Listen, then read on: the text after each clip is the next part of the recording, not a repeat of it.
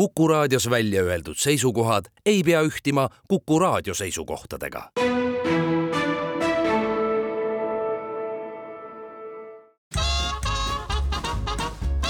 jäljed gloobusel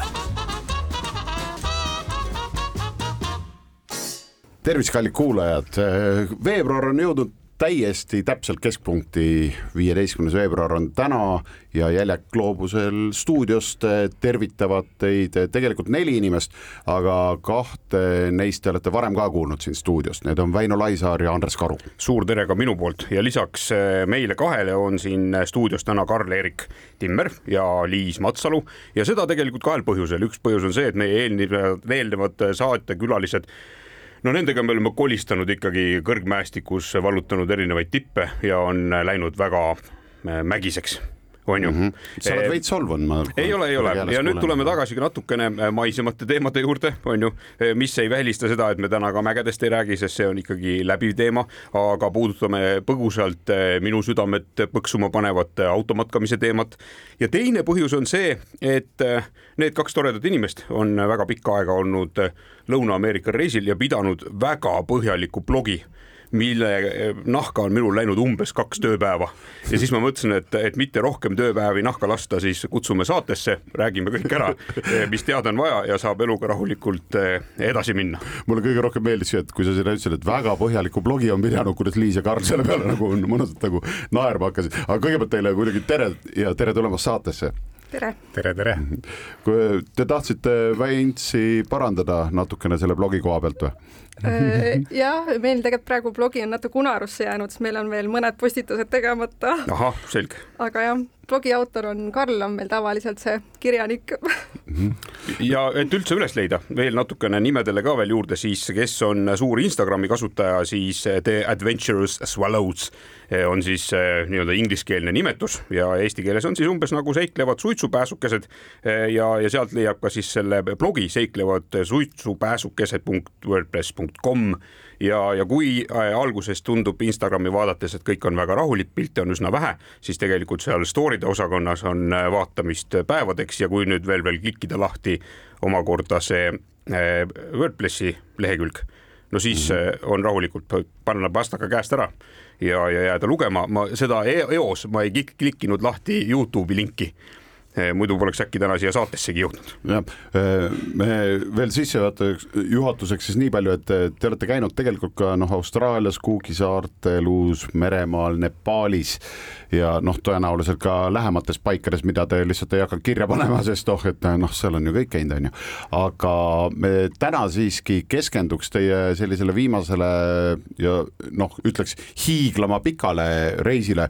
Öelge ise numbrites välja, et millal see täpsemalt täpsemalt siis oli, me teame, et aastal kaks tuhat kakskümmend kolm ja laias laastus oli paik äh, Lõuna-Ameerikaga, et äh, mis see ajavahemik siis oli ja millistes riikides te ära käisite? tõsi ta on, äh, automatkal me käisime Lõuna-Ameerikas ja aasta kaks tuhat kakskümmend kolm juunis lahkusid meie lennud Lõuna-Ameerika suunal ja koha pealt ostsime auto ja jõudsime seal autos seitse kuud elada, nii et äh, üks kuu tagasi me jõudsimegi tagasi Eestisse. põhimõtteliselt aasta lõpus jämedalt siis võiks öelda ja,. no jõuludeks jah mm. -hmm. no ma lugesin sealt äh, blogist välja, et esialgne lubadus või noh, plaan oli sõita umbes kolmkümmend tuhat kilomeetrit ja selline kuus kuni kaheksa kuud, kuidas sellega enam-vähem läks, no ajaliselt justkui nagu sinna täpselt keskpunkti, aga kilometraažilt ja läkski tegelikult nii, et äh, peaaegu kolmkümmend tuhat kilomeetrit. jah, mingi kakskümmend kaheksa tuhat või midagi ja. sellist tuli täis et mm -hmm. päris nii pingsalt ei lugenud ka, aga, aga umbes. aga jah, jäime põhimõtteliselt graafikusse, nii nagu me mõtlesime. no kohe äh, inimsuhete arhitektidel tekib kohe küsimus, et te olite nagu seitse kuud olite kahekesi ühes autos, et kas, kas tundsite üksteist varem? kas te varem tundsite üksteist, kas te olete pruut ja peigmees on ju, kas te äh, äh, olite pruut ja peigmees ja enam ei ole või noh, et kuidas läks ja kuidas teil, kuidas te hakkama saite? mm.. hästi läks ja me oleme tegelikult jah, seitse aastat äh, elukaaslased olnud. Et äh, see ei olnud meie jaoks midagi esmakordselt nii pikalt äh, kakskümmend neli seitse nii-öelda siis koos olla. et kui me Austraalias olime üle kahe aasta vist kokku, et siis põhimõtteliselt ka me olime kaks aastat ka niimoodi kogu aeg ninapidi koos, et äh, tunneme jah, üksteist läbi ja lõhki, võib öelda. üks suur küsimus, mis minul kohe tekib, on nagu see, et see ei kõla, noh, seda liiga paljud inimesed ei tee, et kui nad lähevad kuhugi kaugele nagu seiklema, et me läksime sinna ja ostsime auto ja siis sellega seiklesime. et noh, enamus inimesed ütlevad siin kohapeal stopp te peate selle loo pikemalt lahti rääkima, et kui keeruline, kus riigis te ostsite, Tšiilist vist ostsite auto, mäletan ma õigesti või? jah, Lõuna-Ameerikas on selles mõttes küllaltki raske välismaalasena autot osta, et äh, selleks on Tšiili äh, kindlasti kõige lihtsam koht, kus siis võõramaalane saab endale auto osta. Aga selleks äh, peab ka vormistama vastavad dokumendid, residentsus ja nii edasi, aga me saime sellega hakkama ja siis äh, selle läbi me Tšiilist ostsimegi auto. kas see tähendab, et te distantsilt saite sellega hakkama, et seda kõike sai nagu arvuti vahendusel teha üle neti? Äh, no nii ja naa, no pigem mitte, Tšiili on küll kõige arenenum riik Lõuna-Ameerikas, aga siiski päris üle neti kõike teha ei saa, et see on tegelikult üks selline agentuur, kes aitab ja aitab korraldada sellistel reisijatel, kes automatka nagu tahavad teha seal, et niisugused vastavad dokumendid äh, lisatasu eest ära, et see on päris kasulik.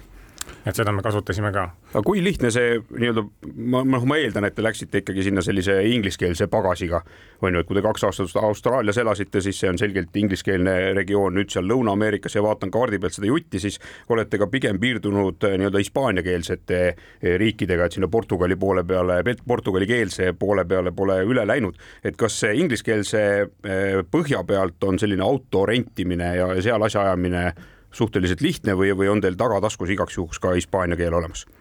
no alguses, kui me läksime, siis äh, või noh, Lõuna-Ameerikas võib inglise keele kohe välja visata, et seal nagu sa võid rääkida inglise keeles, aga vastu sinuga ei räägita, et, et alguses oli päris raske.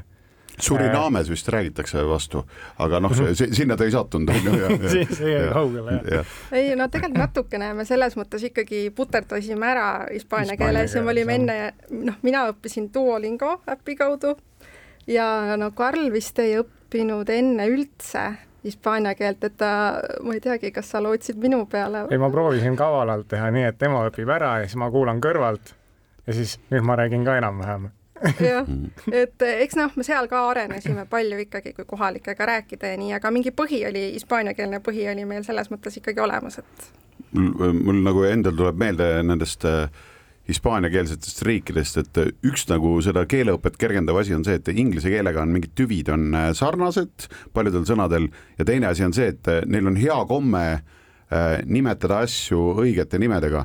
ehk siis, kui, kui sa otsid hotelli Casa Verde, siis Casa on maja ja Verde on roheline ja sa leiad lõpuks rohelise maja mis ongi, et selle hotelli nimi on, et see on niisugune hea näide, et nad tihti panevadki asjale päris selle nimi. jah, meenub mulle näiteks paadimootori nimi Peruust, mis oli Peke Peke, mis on puhtalt tuletatud sellest häälest, mis ta teeb oh,. Peke Peke Peke väga ilus. Äh, Tšiilis siis, äh, kui paberimajandus sai korda ja ja teil oli õigus auto osta, siis te läksite lihtsalt mingisse automüügiplatsile, jalutasite sisse umbes ja, ja ütlesite, et see no kuna me otsisime konkreetselt sellist autot, kus äh, oleks, noh, üks kriteerium oli see, et seal pidi midagi juba küljes olema, et me saaks seal sees elada ja seal on õnneks päris suur kommuun äh, sarnaselt mõtlevaid inimesi, kes tahavadki osta sellist autot, teevad mingi tiiru ära, müüvad maha.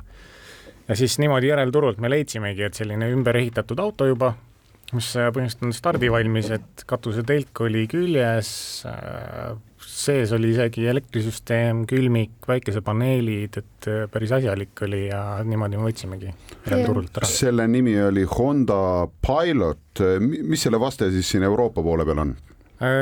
Euroopas teda ei olegi, ta on selline USA versioon CRV-st põhimõtteliselt, aga ta on niisugune suurem ja natuke USA-le iseloomulikult ka mugav selline mm -hmm. nahkistmed ja aga et, automaat või no,? automaat jaa, aga üks kriteerium oli meil ikkagi see, et ta oleks neli korda neli.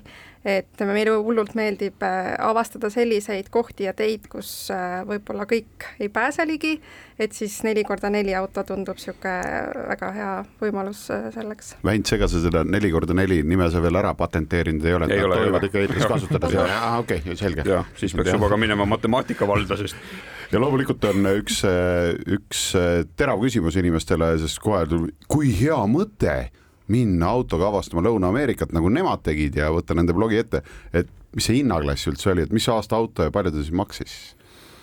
Äh, arvestada võibki, no väga erinevas hinnaklassis on neid autosid, et on võimalik viie tuhandega saada, mil, mil, mis tavaliselt on sellised bussid, mingi Toyota Hiace ja mingisugused Hyundai'd ja mingid sellised, hästi palju kohalikke, mingi Photon on seal ja mingeid firmasid, aga meie auto oli kümne tuhande ringis ja on võimalik saada ka oluliselt kallimalt autot, et noh, mingid matkabussid ja mingid sellised uhkemad, mingid sprinteri bussid ja sellised. Aga, aga piiriületused läksid ladusalt selles mõttes, kui sa selle Tšiili numbriga seal mööda neid teisi riike ringi sõitsid, oli mingisuguseid takistusi ka. meil on nüüd küll aega väga vähe, aga jõuate ühe lause ära öelda ja siis jätkame juba peale pausi. Äh, no ütleme nii, et takistusi oli väga palju piiride peal. väga, seda on äh, rõõm teada, sest siis on teada, et meil on siin igasuguseid lugusid tulemas, me oleme kohe pärast reklaame tagasi teie kõrvades. jäljed gloobusel. nõnna paus jälle läbi ja oleme stuudios tagasi, täna siin Karu Vänts ja siis lisaks meile on siin ka Karl ja Liis, kes siis pajatavad oma seitse kuud väldanud automatkast Lõuna-Ameerikas. Ja, ja kui me eelmise ploki lõpus suutsime juba kuidagi jõuda oma eklektilise saate käigus erinevatele piiriületustele selle Tšiili numbriga autoga, siis ma tegelikult tuleks ikkagi selle juurde ka tagasi, et kuskohast tekkis üldse seesugune mõte, et sinna matka minna, ma saan aru, sina Karl, oled Tallinna poiss, läksid kuhugi Tartu kanti hulkuma ja Liis tuli Otepää poolt vastu, saite kokku ja siis mõtlesid, et vot nüüd lähme maailma rändama. no põhimõtteliselt küll. kohanimed olid õigu, õiged, järjestus veidi vale, aga muidu kõik okei okay, on ju. jah, no äh, meil esimene suur rännak oligi äh, Austraalia, et me mõlemad tahtsime midagi uut näha, tundus niisugune kauge eksootiline koht, okei okay,, lähme sinna ja nii nagu tüüpiliselt äh, seal selle working holiday viisaga käiakse, tehakse tööd, rännatakse, et seal meil oli ka Honda ja CRV, aga noh, nagu Eestis tuntud CRV mingi aasta kaks tuhat kaks äkki. ja meil oli võimalus iga nädalavahetus kuskil sõitmas käia ja noh, mulle kogu aeg nagu meeldis endale isiklikult selline off-road'i värk ka, aga samas nagu Eestis vaatad, et noh, peamiselt see kulmineerub sellega, et sõidad kuhugi mudamülkasse, vaatad, kas sa saad sisse-välja, edasi-tagasi või üldse ei saa.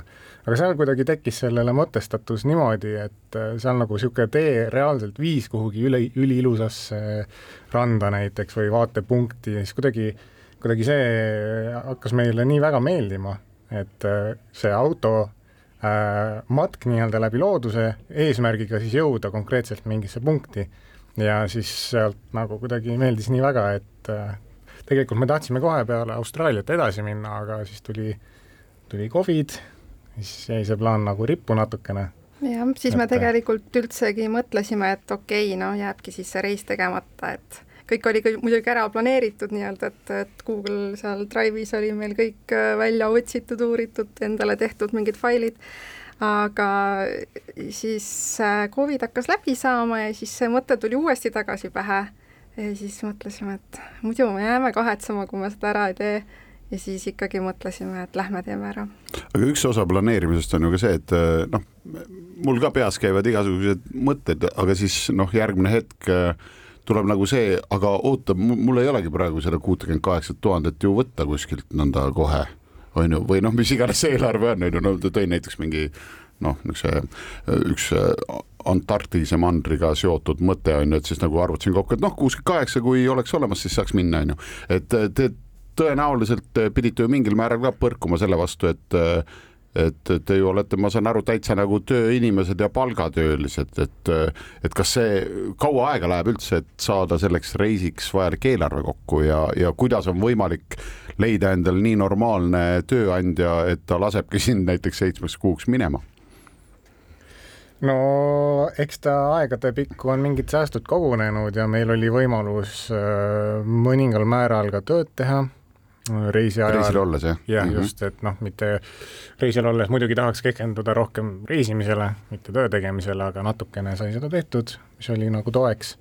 ja niimoodi ta oligi, need säästud ja. säästud on meil hästi nagu selles mõttes säilinud, et noh, meil Eestis väga mingeid kohustusi ei ole, et uh -huh. raha otseselt ei kulu kuhugi. et mm. -hmm. me oleme pigem sellised kogujad ka, et mm, -hmm. et, et kui kunagi tuleb mingi mõtteidee, et siis nagu me vahepeal nagu ei kuluta ja suudate motiveerida ennast nagu jah, et jah, et kui meil on eesmärk, et siis, äh, siis me kindlalt rihime ikkagi selle poole. teine teine nädal on pelmeenid ja, ja siis tead, et aga, aga nüüd on järgmine reis on kohe kuu aja pärast. oota, aga kas see, kas see, kas vahel nagu seda tunnet ei teki, et on äh, mingid korra, noh, näiteks on kogunenud juhuslikult, olete olnud tublid ja on kogunenud kakskümmend viis tuhat eurot nagu mõnusalt, äh, mida te olete mõelnud reisile kulutada, siis tundub, et oi, kui hästi saaks selle kasutada sissemaksuks meie uude kodusse see, seda ahvatlust pole tulnud, jah? no no ikka oleme mõelnud, aga noh, ma ei tea, eks noh, kuidagi reisi, reisist saadavad emotsioonid on sellised, mis jäävad elu lõpuni sinuga, aga kui sa asjade peale selle raha ära kulutad, siis nagu ma ei tea, Nad ei ole kuidagi võrdelised, kui ja. nagu nii võrrelda. ja noh, võib-olla ikkagi, kui sul juba Eestis on tekkinud, ma ei teagi, oma, oma maja ja kõik sellised mm -hmm. asjad, et siis sul on raskem nagu ära ka minna et, et me kuidagi hindame rohkem selliseid äh, mittemateriaalseid väärtusi vist rohkem. issand, nagu ennast kuuleks rääkida mm. -hmm, huvitav jah, kummaline kuidas nad küll meie saatesse sattusid nagu täiesti äh,. hästi, kas äh, kui, kui hüpata nüüd uuesti sinna Tšiili, et te olite nagu auto kätte saanud ja kus te esimesena nagu nina pöörasite, kuhu poole te vurama hakkasite? no eks ikka andide poole, mägede poole, et äh, kuna Eestis mägesid väga palju ei ole, siis peab kuskil mujal neid vaatama ja mäed meile meeldivad. et äh, andide poole Argentiina ja siis sealt äh, proovisimegi nagu. Te läksite üsna kohe, läksite üle piiri, jah ja.? no mis ei ole keeruline, arvestades Tšiili laiust, et ta on ja. üsna niisugune pikk ülalt alla äh, Äh, riba ja andid ongi vist ju, kui ma ei eksi, looduslikuks piiriks enamasti see peaahelik äh, siis Argentiina ja Tšiili vahel, eks ole mm. -hmm, just. ja siis äh, ja Argentiina poolel, kuhu siis, milliseid tippe vaatama läksite?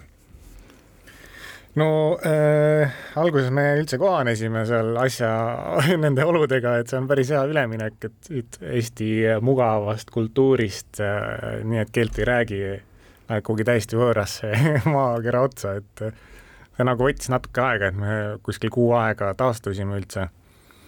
ja võtsime hästi rahulikult alguses, et ära harjuda ja teisel nädalal juhtus meil selline huvitav asi, et meile murti kohe autosse sisse, mis natuke muutis meie reisi fooni alguses, et ahah, et nii siis hakkabki olema, jah, selge et siis nagu proovisime hästi aeglaselt edasi võtta ja eks me siis läks, no muidu trajektoor oligi, et põhja poole läksime läbi Boliivia, Peruu ja siis äh, nii-öelda päripäeva tagasi Brasiilia äärest siis alla Patagooniasse ja tagasi Tšiili, laias, laias pildis mm. -hmm. et äh, kuu aega olime Argentiinas ja siis sealt nagu läksime põhja poole. Lähme korra selle sissemurdmise juurde tagasi, mis siis, äh, kas see juhtus kuskil pigem linnas, pigem maal ja millest siis ilma jäite? mis neile meeldis teie varustusest see oli jah, huvitav äh, sissemurdmine selles mõttes, et äh, me olime Argentiinas linnas nimega Mendoza ja me võtsime Airbnb seal mõtlesime, et avastame Mendozat ja kuna seal linnas sees otseselt ei ole nagu kohti, kus autoga niimoodi, auto saaks ära parkida, ööbida, et siis me võtsime Airbnb ja me par-, parkisime auto, autole eraldi parkla mõeldud ja see oli kõrge rauast äh, värav oli ees. ja päise päeva ajal kell kaks oli vist umbes, kui siis naaber koputab uksele, et kuulge, et teil on äh, autosse sisse murtud, klaas on ära lõhutud ja äh, kätt... mingi tüüp oli ära jooksnud lihtsalt. siis jah, ongi see tüüp jäi vahele ja siis jooksis ära aga väga paljud ei saanud meilt õnneks, sellepärast et minu meil... jooksutossud oli kõige suurem saak. jah, ja siis sularaha, aga ülejäänud asjad olid meil kõik ikkagi korteris sees mm. -hmm. et äh, sularaha siis äh, ka mitte märkimisväärne summa, vaid selline no, mingi, mingi paarsada eurot äkki. aga siis tal oli ka aega autos ringi vaadata, mitte ei võtnud esimesi asju, mis seal taga akna juures oli, sest ta võttis jah hästi rahulikult, et meil oli katusel oli gaasiballoon, et seda ta oli üritanud lahti saada, aga ta oli selle mm,, mis see no see, see, mis sinna külge läheb või? see kinnitus, mis see. see kinnitus, mis koormarihm. koormarihm, selle, see koormarihmaga oli kinni, et äh, ta ei saanud nagu aru, kuidas see latti käib, et oli seda kangutanud jupp aega ja. ja siis ta oli katusetelki hakanud ka üritama lahti saada, ta vist ei teadnud, mis see, mis asi see on. see on muidugi mõnus tükk, millega minema joosta ja siis oli seda kõvasti üle raudaia. ja siis mõtlesin, et okei okay,, ma lähen lihtsamat teed pidi, lõi akna sisse ja võttis tossud ära okei okei okay., nii et ta teil nagu eelarvesse nagu suurt auku ei löönud, lihtsalt natukene oli jamamist, et see uus aken saada ja, ja kas minu meelest lihtsalt teipisite lihtsalt kinni selle äh, ja, ja me leidsime isegi mingi akrüül või selle pleksiklaasist akna mingi ajutise üks tüüp tegi, et see on nagu ja, ja siis Boliivias saime päris mm -hmm. uue klaasi ette, aga noh, selle. pigem lõi see augu enesekindlusesse. jah, ongi, et materiaalselt see mingit noh, nii-öelda pauku nagu ei, ei teinud, aga, aga mm -hmm. Siis tõesti, meil oligi, teine nädal me oleme Lõuna-Ameerikas ja juba juhtub selline asi ja et, nendes riikides, kus peaks olema nagu jaa, pigem turvalisem. täpselt, et see ikka tõi ka kartuse sisse küll, et peale seda me muutusime küll palju ettevaatlikumaks minul on kuidagi läinud niimoodi, et ühtegi asja pole reiside käigus siiamaani veel ära röövitud. ei saa öelda, et põnevusega ootaks, et, et lihtsalt, aga noh, ma kujutan ette, mismoodi see selline olukord, kui sul on kõik ettevalmistused enda jaoks peas tehtud ja, ja mismoodi see võib kogu maailma segamini lüüa aga noh, nii palju, kui me suhtlesime kõigi teiste reisijatega, automatkajatega, siis põhimõtteliselt kõigil oli juhtunud mm -hmm. sissemurdmist. vähemalt üks kord on sisse murtud ja noh, nad on seal nii äh, libedalt teevad seda, et, äh, et sa ei oska oodata ka, et mõnikord viie minutiga pargid auto ära, et vaadata tee ääres mingit ma ei tea, ilusat mäge ja samal ajal juba on midagi läinud, et, et see on ikka päris huvitav. noh, Mendoza on ju see kant, kus äh, siis kust ei ole liiga kaugel ju ka jah, kõrgemad Lõuna-Ameerika tipud üldse, et ka Akankaku on sealt nii-öelda äh, kivi äh,, tugevamale mehele kiviviske kaugusel, aga noh, üllatust vaatan mina ekraanile praegu ja näen, et meil on aeg teha korraline paus ja sellest, mida ma tahtsin küsida, ma lõpetan oma küsimuse siis äh, pärast väikest pausi. jäljed gloobusel tere tulemast tagasi, teie kõrvus on praegu saade Jäljed gloobusel ja me räägime siin Liisi ja Karliga siis sellest, kuidas nad seiklesid Lõuna-Ameerikas eelmisel aastal ja igaks juhuks, et äh, aega oleks piisavalt, võtsid selleks seitse kuud ja ostsid sealt auto, käisid ringi ja me oleme jõudnud nüüd siis äh, otsapidi Argentiinasse, Mendoza linna, kus teil oli igasuguseid seiklusi, aga noh minul läks silm põlema, sest ma olen kaks korda Mendozas käinud ja, ja seal lähedal on Aconcagua, Lõuna-Ameerika kõrgem tipp. et kas te ka sel, seda teed mööda siis saite sõita või te tulitegi sedasama maanteed pidi, mis Aconcagua külje alt läbi läheb, sealt Tšiili poolt tulite siis üle niimoodi või?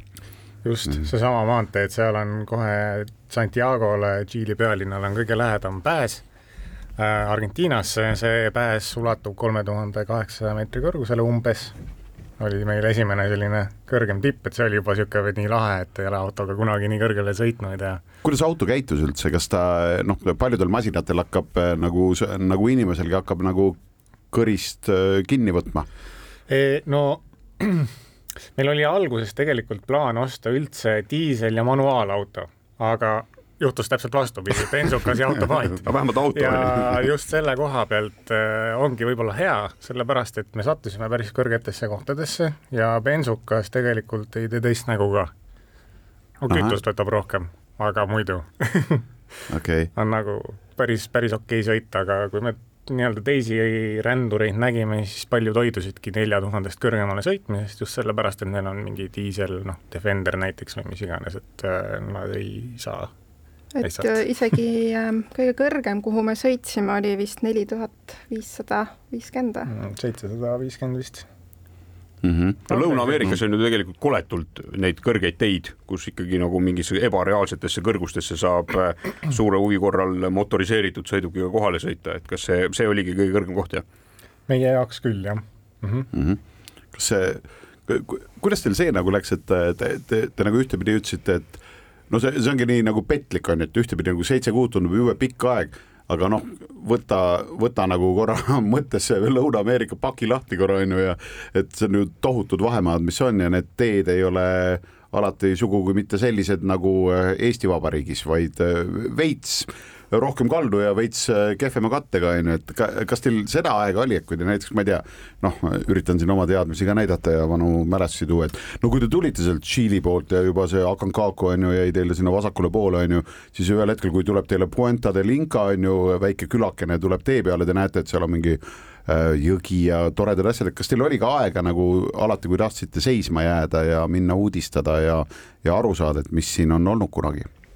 jaa et äh, me tegelikult, meil oligi eesmärk, et me ei kiirusta läbi seda marsruuti, mis meil oli ette pandud, vaid võtamegi rahulikult, et kui me tahame pausi teha, siis me saame seda teha, saame spontaanseid mm -hmm. vaatamisväärsusi lihtsalt vaadata ja ja et võtsime hästi rahulikult ja süüa te tegite kogu aeg pigem ise või te avastasite kohalikke maitseid ka kohalikes äh, nii-öelda söögikohtades mm? -hmm, mõlemat. jah ja..., nii ja naa, et seal noh, tegelikult kohalik söök ei ole üldse kallis ka, et see ei pannud nagu eelarvesse mingit väga suurt pauku, et et jaa, ikka meile väga pakub huvi just see mm -hmm. kohalik kogemus ka. mõned et... Äh, värvilisemad näited äkki sellest, sellest Jaa. valikust, mulle endale jälle meenub siin nüüd Peruu koha pealt äh, merisiga, äh, mida sai söödud, mis oli iseenesest väga tore, aga sellise puruks minematu nahaga kilpkonnasupp kilpkonnamunad, palmivaglad ja, ja kõikvõimalikud muud põnevad eh, asjad, mis, mis teil oli ja, ja kas kõik eh, püsis nii, nagu oli ette nähtud? Äh, ja meile väga meeldib ka igast huvitavaid toite proovida ja uusi maitseid kogeda, et äh, meie ka proovisime merisiga, väga hea oli. Äh, siis me proovisime veel laamaliha, kaimaniliha Ja... ütlen ära, kaimani liha on minu number üks liha maailmas mm. praeguse edetabeli järgi. see oli tõesti hea ja ja siis äh, noh, ma ei tea, noh, see ei olnud otseselt maitse, me ei läinud seda ekstra nagu sööma, aga kui meil oli džunglimatk äh, Boliivias, siis äh, giid võttis maad, maast väikse kookose ja siis matšetega lõi selle vastu puud katki ja siis sealt me saime väikest tõuku ka proovida mm. -hmm. kas see selline, kui te noh, olgu söömine on nagu üks asi, aga kas kas teil, kas teil mingi selline rutiin tekkis ka, et mis aja tagant te võtsite nagu selle, et kuule, täna oleme Airbnb-s, et võtame nagu duši ka ja siis teeks, kuule, et me oleme nüüd kolm kuud olnud, käiks korra saunas või vannis või mingid, et oli teil mingi see, see ka või see oli niisugune sisetunde järgi tegite neid valikuid? Pigem sisetunde järgi jah, alguses tihemini, et äh, kui see kohanemisprotsess oli, aga hiljem hakkas sisepuhastus tööle juba jah, ega viimased, ma ei tea, kas kaks kuud olime me puhtalt ainult autos või? Jah, ei, siis me ei võtnud vist enam midagi, jah. see oli siis see Lõuna-Ameerika alumine ots pigem Patagoonia ja see pool jah. no ütleme seal, et eks seal on ka maailma üks puhtamaid õhkusid, mida on võimalik oma keha vastas vist tunda tõenäoliselt. ma muidugi tahaks siinjuures küsida nüüd ikkagi ära ka selle turvalisuse küsimuse, et, et see autos magamine, noh, enamasti me oleme oma rännakutel ennast kuskil ära peitnud, et, et noh, mhm. päris sellise tsivilisatsiooni keskel või, või mingi tuiksoone keskel ei, ei ööbi. kuidasmoodi Lõuna-Ameerikas oli, kas seal on mingeid asju, mida tasub tähele tähele panna järgmistel, kes lähevad ja, ja, ja kuhu ei ole üldse mõistlik katusele ronida? et algul me mõtlesime küll, et äh, me proovime hästi palju inglise keeles äh, termin wild camping, et äh, nii-öelda metsikult siis kuskil auto lihtsalt ära panna suvalisse kohta ja niimoodi ööbida, aga peale seda vargust, noh, ongi, me muutusime nii ettevaatlikuks, et me ainult, enamus ajast me ainult kämpimiskohtades Äh, ööbisimegi mm. -hmm. kuidagi need kämpimiskohad ei olnud jällegi väga kallid ka, et kolm kuni viis eurot, võib-olla mõni kallim oli kuus-seitse eurot, et see nagu inimese kohta jälle... vaid äh, nagu auto kohta? see oli auto kohta, üks Aa. koht nagu koha no Euroopa kahekümne, kolmekümne, viiekümne juures on see ikkagi väga minimaalne kulu. no Brasiilias ja Tšiilis oli see, ka kallim. seal oli kallim jah, see oli kallim, aga muidu üldiselt ei olnud nagu nii kallis ja siis me nagu mõtlesime et äh, noh, kuna meil see vargus oli olnud ka, et okei okay,, ärme siis praegu igaks juhuks, et me paar korda proovisime wildcampida ka alguses, aga need kogemused olid juba ka nii imelikud, et ja kogu aeg läks, midagi läks alati nihu see et... öösel mingid imelikud autod ujusid külje alla ja igast naljakaid asju, et siis äh, noh, hakkavad lihtsalt taskulambiga öösel sinu auto peale näitama ja siis no ei taha jääda sinna see oli, mul tuleb meelde lihtsalt, et kunagi noh, Tenerifel tuli ka mingil hetkel ära käia, sellepärast et seal on ju Pico de Teide, mis on Hispaania kõrgem tipp, on ju, noh, kui sul on plaanis kõik nad ära käia, siis, siis tuleb sinna minna. ja me ka panime oma telgi püsti kuskil mäenõlval, niisugune iseenesest ilus vaade Atlandi ookeanile, kõik tore. hakkasid ka mingid autod tekkima ja siis ma mäletan, kuidas me nagu minu tädipojaga, no me olime kaks naist, kaks meest ja siis eh, me, meie heidutus oli see, et eh, me käitusime eriti nagu noh, niisuguse õõtsuvas stiilis hakkasime käima ja siis äh, matkakeppidega noh, ma hakkasin oma siis tädipojale õpetama, kuna ma olen lavavõitlust teinud, siis hakkasin erinevaid kombinatsioone, kus me, oota nüüd on lühike kepp ja pikk ja nüüd teeme, võta see poos ja siis nagu see, siis äh, noh, tüdrukute noh, kõik omavahel saime eesti keeles rääkida ju, onju, ma ütlesin, et tehke nüüd tõsine nägu, noogutage ja ahhetage onju ja siis ma teen näo nagu, et kuidas ma saan tal nagu nüüd siit kaela alt nagu läbi lükata selle asja. Ja see oli meie heidutusmeetod, tõenäoliselt lihtsalt mingid inimesed tulid päikseloojangut vaatama onju ja siis vaatasid, mingid debiilikud on telgiga ja, ja teevad üksteisele viga, on ju, noh, tõenäoliselt, aga see ongi nagu noh, ma saan väga aru sellest tundest, et noh, mida mida, mida vähem siin matkagrupis on, Väntsil sellega on tavaliselt nagu lihtsam, niisugune oranžide särkide noh, eemalt äh, nende laagrile lähed, et siis on kuidagi oranž on kõik ja, ja ja kõik mehed on suured, tavaliselt suuremad kui ükskõik äh, milline küla kõige suurem mees on ju, ja siis äh, loomulikult on nagu turvalisem olla, et kui oled kahekesi või üksinda, siis see on hoopis teine, teine asi jah ja, ja, ja siis noh, kuna me ööbisime ju katusetelgis, et äh, see mm. ei ole ikkagi nii turvaline kui autos sees ööbida, et mm. siis see ka. alateadvuses kuidagi alateadvus, on lihtsalt see tunne, et kui midagi peakski juhtuma, siis äh, katusetelk on nagu veits viletsam variant kui buss. aga mida tasuks vältida teie kogemustele tuginedes? no kindlasti tasuks vältida no, eramaadel ööbimist noh, seal on jah, seal kohalikud võivad päris järsud olla, eriti need, kes nagu mägedes elavad ja võib-olla sellised talumehed, et nad on sellised suhteliselt äh, kuidas öelda, ongi niisugused veits järsu, järsemad. see on nagu lõunaosariikides on see shotgun Bob, kes istub kiiktooliga rõdu peal ja laseb kõiki, kes mööda lähevad ja. ja ühed austraallased rääkisid tegelikult, kelle, kelle, keda me kohtasime, et ja, parkisidki eramaale, mõtlesid, et ah, et kiirelt magavad ära, lähevad hommikul hästi vara ära ja siis öösel tuli maaomanik, äh, lasi paar pauku seal nende bussist, bussi kõrval, et ja, no märguandeks, et jah, et et äh, palun lahkuda minu kinnistult huvitav, minu arust piisaks ju sellest, et kui sa lähed nagu äh, auto kõrvale koputad aknale ja siis, kui seestpoolt pannakse sulle lamp peale ja sa seisad pumppüssiga, siis nagu sa ei pea tegelikult midagi ütlema. Sa ju saad aru, et peab ära minema, onju, et mis sa seal paugutad, onju, puhas, puhas nagu äh, raiskamine. me oleme hetke pärast äh, tagasi ja räägime Liisi ja Karliga edasi Lõuna-Ameerikast jäljed gloobusel. nõnna, paus jälle läbi. Karu, Vänts, Liis ja Karl on stuudios ja räägime Lõuna-Ameerika lugusid. ja ma tulen korraks siia tagasi paar sutsakat Eh, tagasi rääkisime sellest või õigemini teie rääkisite sellest, et tegite suure eeltöö ära, teil oli suur kaustik eh, täis olulist informatsiooni. millist informatsiooni te sinna panite ja, ja missugune üldse on eeltöö, et minna seitsmeks-kaheksaks kuuks Lõuna-Ameerikasse sõitma, sest kui ma seda teie rada vaatan, siis siin on nagu mingi mõte olemas.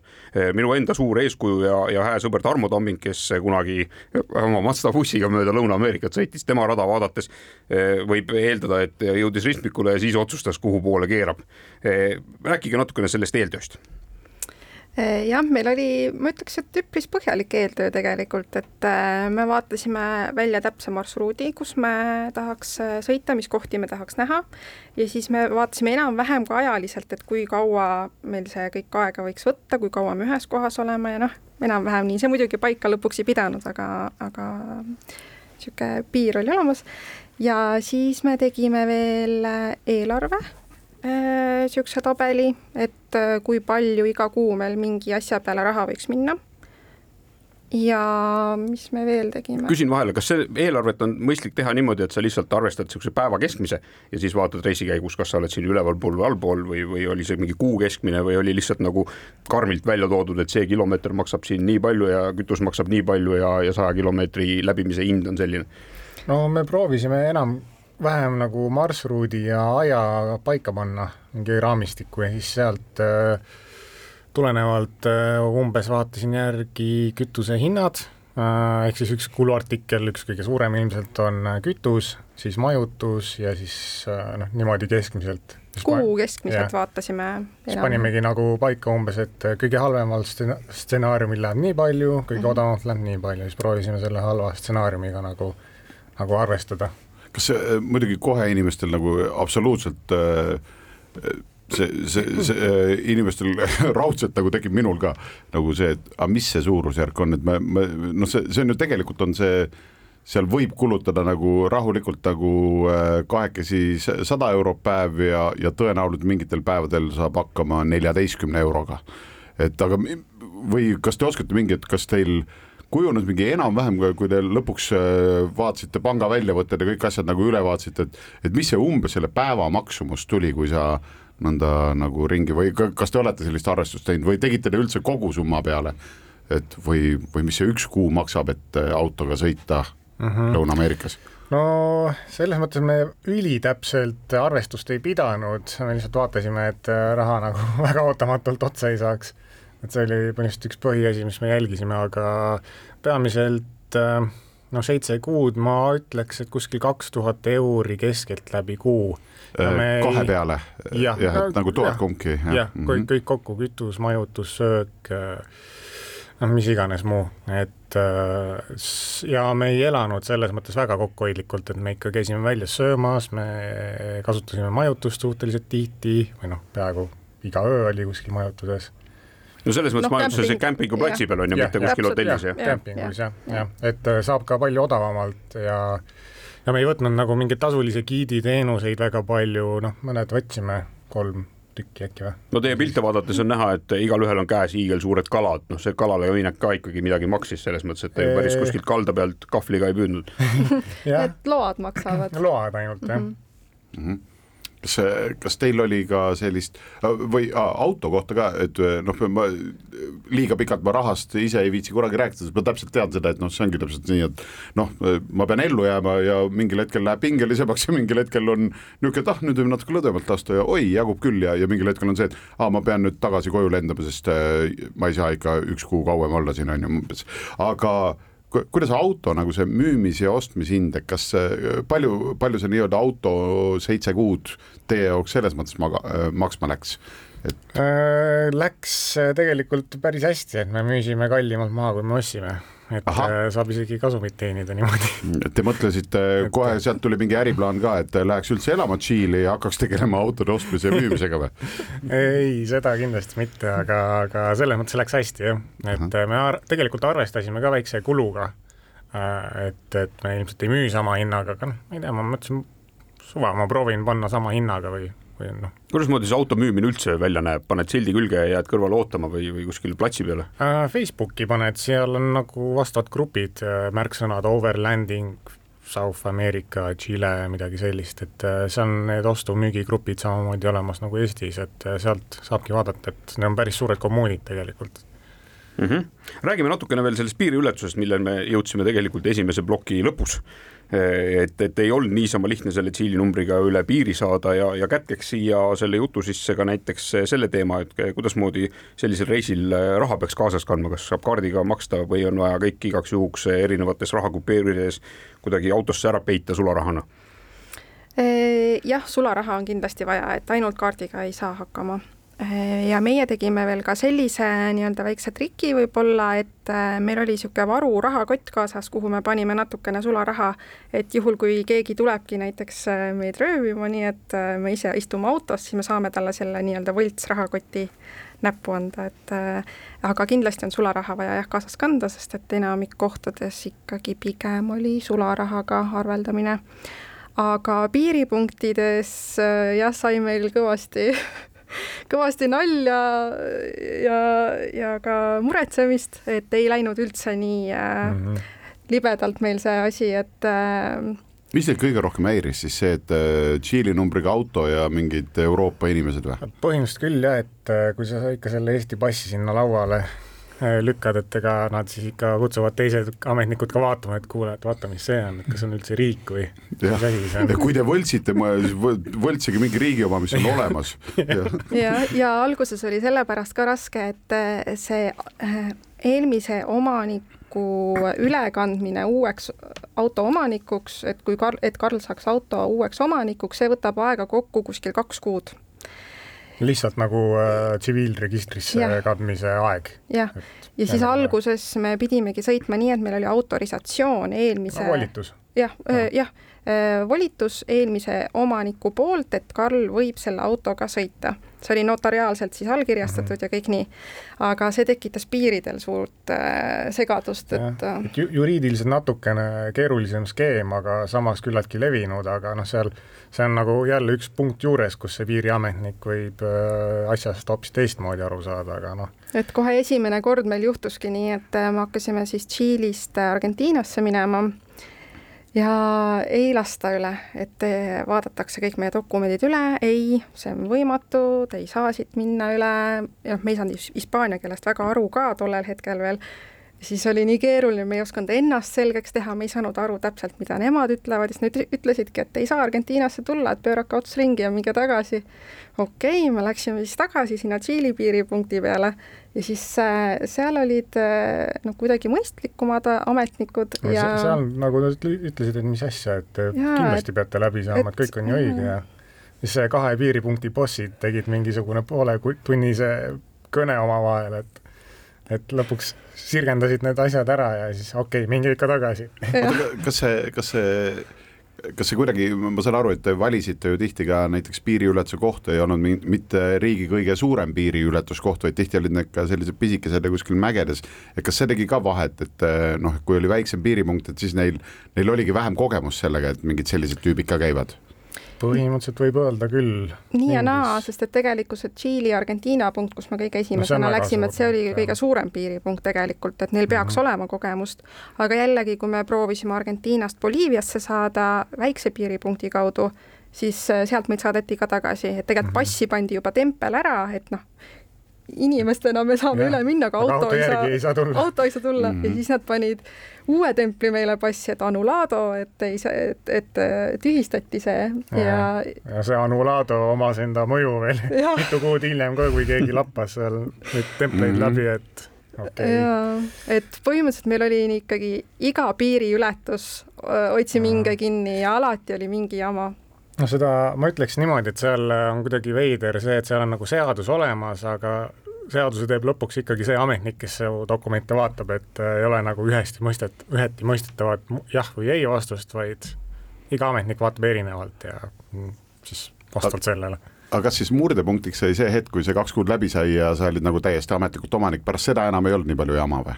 see oli lihtsam jah. see oli lihtsam jah ja,. siis ma sain mingi isikutõend tõe, isikut tõendava mingi Tšiili ID-kaardi taolise asja ja jah, mis nii-öelda näitab, et, et sa oled nagu resident, et mm -hmm. mõnes piiripunktis meile öeldi, et et äh, sa pead olema Tšiili resident, et sa saaksid üldsegi selle autoga üle minna. aga siis võib-olla hüppasite korra jälle Tšiili tagasi, et oma need dokumendid kätte saada ja siis uuesti reisile või, või...? see käis õnneks äh, meili teel mm -hmm.. printisime välja ja mis me oskame öelda sellise asja peale, Väntsiga, me oskame ainult öelda, et äh, hästi räägite, midagi ei ole teha, nii hästi räägite, et äh, me kutsume teid järgmisesse saatesse tagasi, siin ei ole pääsu, et kui teile sobib, siis äh, kahekümne teisel veebruaril võiksime jätkata teie Lõuna-Ameerika Ameerika seiklustega. Ja saame siis öelda suur aitäh tulemast stuudiosse, Liis Matsalu ja Karl-Erik Timmer. Äh, äge, mul oli nagu no ma lähen kohe nagu mingit piletit ostma jälle, et äh, eks me siis anname. oma viimase matkaauto viisid Ukrainasse ära, nüüd pead uue võtma. noh, nii, nii ta on, igal juhul suur-suur aitäh ja arvestades, kui häid ja ägedaid pilte nad on teinud, siis me kindlasti nende abil ka oma Facebooki lehele paneme siis Liisi ja Karli pilte üles ka, et saaksite ka piltides neile kaasa elada ja loomulikult minge külastage ka nende blogi. vaadake siis eh, seiklevad suitsupaasukesed, eh, kui panna sisse, siis te leiate kindlasti üles. tore, et olete meiega ja püsige avarad.